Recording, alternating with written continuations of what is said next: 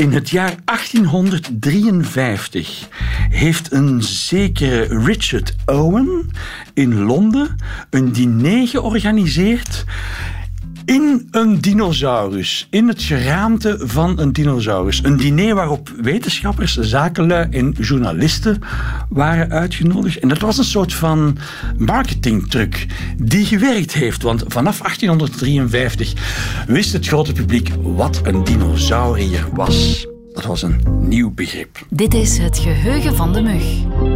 Een podcast van Radio 1 over historische gebeurtenissen die de geschiedenisboeken niet hebben gehaald, maar die te mooi zijn om niet te vertellen. Met Koen Filet. Nelke Teugels, u onderzoekt de Belgische voedselgeschiedenis. Dinosaurier was toen een nieuw begrip en het is meteen toen ook het begin van de dinosaurier-hype. Maar wat een raar verhaal. Ja, dat klopt. Uh, maar het is inderdaad het begin van ja, wat ik dinomanie noem. Uh, onze eeuwigdurende, of toch tot nu toe durende obsessie met dinosauriërs. Ja. En dat is allemaal begonnen met een diner in de reconstructie van een iguanodon. De reconstructie van een iguanodon. Het was niet werkelijk een, een, skelet dat ergens opgegraven was. Nee, dat klopt. Benjamin Waterhouse Hawkins was eigenlijk de natuurhistoricus en kunstenaar die de allereerste levensgrote dinosaurusreconstructies heeft gemaakt. Ja? Dat was in opdracht van de Crystal Palace Company zoals de naam het al een beetje aangeeft, een, uh, een nieuwe bestemming zocht voor The Crystal Palace, wat een tentoonstellingsgebouw was, een, een, restant van de allereerste wereldtentoonstelling die in 1851 in Londen was georganiseerd. Ja. Um, dat tentoonstellingsgebouw is verhuisd naar het zuiden van Londen, naar een park. En dat park moest helemaal opnieuw aangelegd worden. Ja. Dat gebeurde enerzijds op een heel klassieke manier, met siertuinen en van die kunstmatige waterpartijen, replica's van klassieke beelden. Maar de Crystal Palace Company had Benjamin Waterhouse Hawkins ook gevraagd om die dinosaurusbeelden te maken. Mhm. Uh, dus de allereerste levensgrote beelden die er van dinosauriërs uh, waren gemaakt. Als een soort van toeristische attractie dan. Ja, zij gingen erop inzetten dat dat het grote publiek naar het park zou lokken. Ja. Maar dat was eigenlijk nog geen veilige gok, want zoals je zei, dinosauriërs waren eigenlijk nog niet bekend bij het grote publiek. Aha. Ze waren al een beetje onderzocht door paleontologen aan het begin van de 19e eeuw. En hadden hun naam pas in 1842 gekregen door de Britse paleontoloog Richard Owen. Het woord dinosaurier. Het woord dinosaurier. Iemand heeft dat bedacht, we noemen dat dinosaurier. Iemand heeft gedacht, Ah, ja, dat is een goede naam Mhm. om al die vondsten die men had gedaan te verenigen onder dezelfde eh, soortnaam. Ja. Maar dat was een term die onder wetenschappers bekend was en niet bij de modale Brit, want we zijn in Londen. Nee, dat klopt. Op dat moment was de gemiddelde Brit vooral gefascineerd door wat Charles Darwin uh, met zich meebracht. Verhalen, specimen, tekeningen Ah, ja, ja. van de exotische dieren die nog uh, bij leven en welzijn waren in verre exotische oorden. Mhm. Maar ja, die stoffige skeletten en de tekeningen daarvan die, uh, konden op weinig animo rekenen. Dus in dat opzicht was het een beetje een wilde gok van die Crystal Palace Company. Uh, maar ze hadden wel de juiste man onder de arm genomen. Benjamin Waterhouse Hawkins was eigenlijk gewend om reconstructies te maken van levende dieren. Ja. Maar nu ging hij het dus doen voor dinosauriërs. En hij had het idee van, ik moet wel een publiciteitsstunt organiseren om toch het grote publiek al wat warm te maken voor het park dat een half jaar later zou gaan openen. Ja. Ook al omdat Richard Owen een heel moeilijk man was om mee samen te werken, was bijzonder onaangenaam, dreigde er ook constant mee om het project te verlaten als er niet meteen geluisterd werd naar wat hij suggereerde. Mhm. En dus die publiciteitsstunt was enerzijds een manier om uh, journalisten op de hoogte te brengen van het hele plan voor een dinopark. Mhm. Om het publiek warm te maken, maar ook om zijn belangrijkste wetenschappelijk adviseur aan boord te houden. Ja, en dus er worden werkelijk tafels gedekt in dat skelet of in de, in de buik, of hoe moet ik het mij voorstellen? Zijn daar, zijn daar etsen van of foto's van 1850? Zijn er dan al foto's? Nee, nog net niet, nee, Nee, denk ik. Um, nee, uh, Hawkins heeft zelf een uh, tekening gemaakt Ja, tekening, naar ja. aanleiding van de avond. Daarop kan je zien dat dus in de gietvorm van de iguanodon is, uh, die op dat moment nog op zijn vier poten stond en niet, zoals men later heeft ontdekt, op zijn twee poten Ah, rechtop ja, ja, staat. ja. Dat wisten ze nog niet. Nee. En daarin werd dan eigenlijk inderdaad een, een opening gemaakt in de rug van dat dier, waarin een tafel werd geplaatst en uh, waarin de aanwezigen mochten gaan zitten. Ja, waaronder dus een aantal journalisten. En dat was heel doelbewust uh, zo gepland. Dan gaan die de volgende dag schrijven in hun kranten. Ja, klopt. Is gebeurd ook? Dat is ook gebeurd. De avond was een heel groot succes. Het was ook een rijkelijk banket dat werd geserveerd. Er uh, waren verschillende toasts. Een van de aanwezigen had ook een lied uh, geschreven naar aanleiding van de dino's. En uh, de journalisten waren zo enthousiast dat ze daarna hun kranten uh, regelmatig hebben gevuld om te berichten over die avond, maar natuurlijk ook over het project dat Hawkins had bedacht voor dat dino-park. En sindsdien is het begrip dinosaurus doorgedrongen tot brede lagen van de bevolking en de Britten stonden in grote getalen aan te schuiven om te komen kijken? Wel ja, het heeft uiteindelijk ertoe geleid dat op de opening in 1854, de opening van het park, toeschouwers massaal kwamen opdagen en um, ja, dat er ongeveer elk jaar in die tweede helft van de 19e eeuw een miljoen bezoekers naar die dino's zijn gaan kijken. Nelke Teugels, wat heeft dit verhaal, wat ik fantastisch vind, maar wat heeft dit verhaal te maken met voedselgeschiedenis, uw vakgebied? ja, het is natuurlijk iets wat niet meteen uh, lijkt aan te sluiten. Hè. Dino's, zowel dino's zijn natuurlijk altijd een goede manier om je tijd te besteden, denk ik. Ja. Um, maar ik ben erop uitgekomen op dat verhaal, omdat ik onderzoek voer naar voedsel zoals het werd geserveerd in al zijn vormen of gepresenteerd op de wereldtentoonstellingen. Ja. Um, omdat wereldtentoonstellingen heel belangrijke gebeurtenissen waren, zeker in de tweede helft van de 19e eeuw en ook nog in het begin van de 20e eeuw, voor voedselproducenten om hun waren aan de man te brengen, om eigenlijk die globale markt te gaan aanspreken die er in de loop van de 19e eeuw stilaan groeit. In hoofdzaak heeft het vooral te maken met het hele, um, de hele organisatie van de voedseldistributie. Meer en meer voedselproductie wordt geautomatiseerd, wat wil zeggen dat er meer kan geproduceerd worden tegen lagere prijzen. Maar tegelijkertijd ja, wordt de concurrentie steeds groter, want verschillende landen gaan ook hun producten uitvoeren, exporteren. Het maakt dat producenten eigenlijk ook proberen om een grotere afzetmarkt ja. aan te spreken. Dit is ook het moment waarop voor het eerst echt merkproducten ontstaan. Voordien kon je bij de kruidenier terecht voor producten in bulk, wat nu opnieuw opgang maakt. Ja, ja. Maar dan had je eigenlijk als consument bijvoorbeeld niet heel veel controle over wat je mee naar huis kreeg. Nu, met die toenemende concurrentie tussen producenten, gaat men een idee uitwerken het idee van reclame. Ja, we gaan reclame ja. voeren voor onze producten om zo'n groot mogelijke afzetmarkt aan te spreken.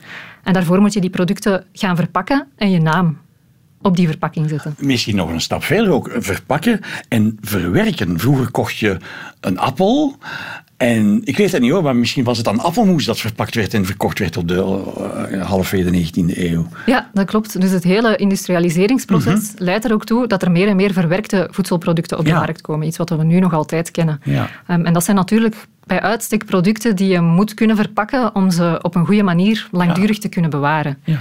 Dat is nu niet hetgene waar ik wereldtentoonstellingen mee associeer. Ik associeer die wereldtentoonstellingen met um, het tonen van uitvindingen en machines en de Eiffeltoren. Kijk eens wat we kunnen met, met metaalconstructies, dat soort van dingen. Ja, uh, enerzijds is het inderdaad um, ja, iets wat je associeert met innovatie, Ja. maar het is tegelijk ook iets wat in de 19e eeuw bij uitstek in de voedselproductie te vinden is. Op dat moment bijvoorbeeld gaan Belgische bieren niet zozeer gepromoot worden omwille van hun authentieke smaak, maar eerder omwille van de innovativiteit um, en de hygiëne die eigen is aan het nieuwe productieproces. Ja, en dat werd op die wereldtentoonstellingen dan ook naar voren geschoven als argument. Als... Ja, dat was op dat moment een verkoopsargument. Zeker voedselhygiëne was op dat moment heel belangrijk, omdat je um, ja, tot die tijd eigenlijk heel vaak geknoei had met voedsel. Ja. Voedsel um, kon heel snel bederven.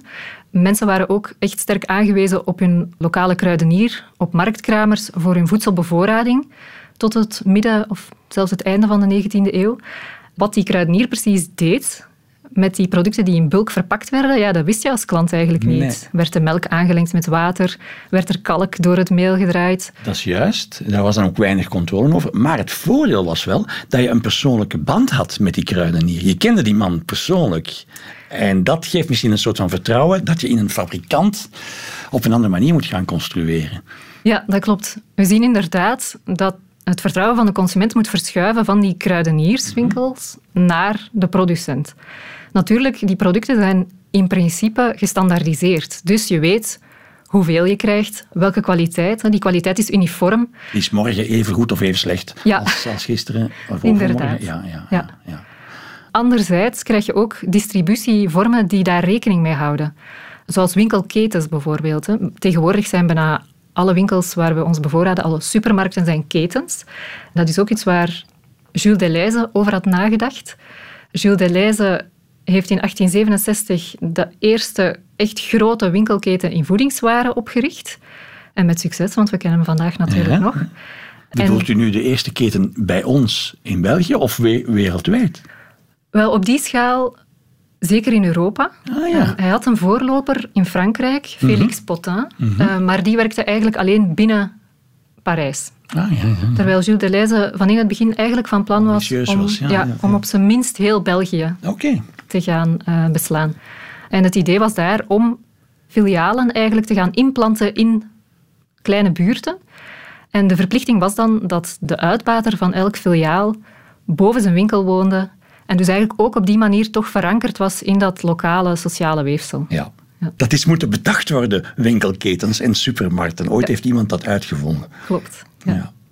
Die wereldtentoonstelling waar je dan voedsel kan gaan bekijken.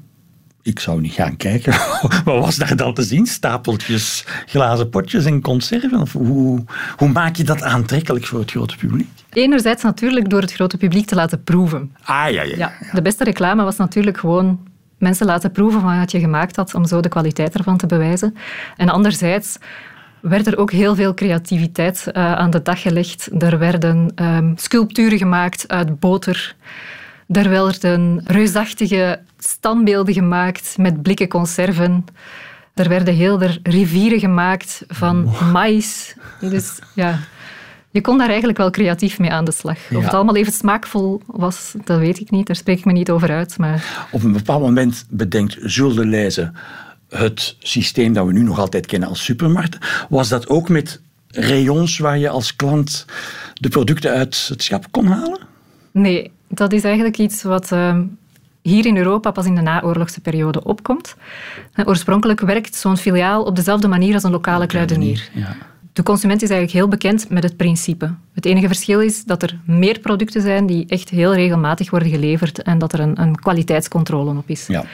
Het is pas in de jaren twintig, wanneer Deleuze zich gaat informeren in Amerika over wat daar allemaal gebeurt in de, in de voedingssector, in de voedseldistributie, dat er wordt gekeken naar, oh, zou zelfbediening ook in België kunnen werken? En initieel is het antwoord nee. Onze huisvrouwen zijn daar niet klaar voor.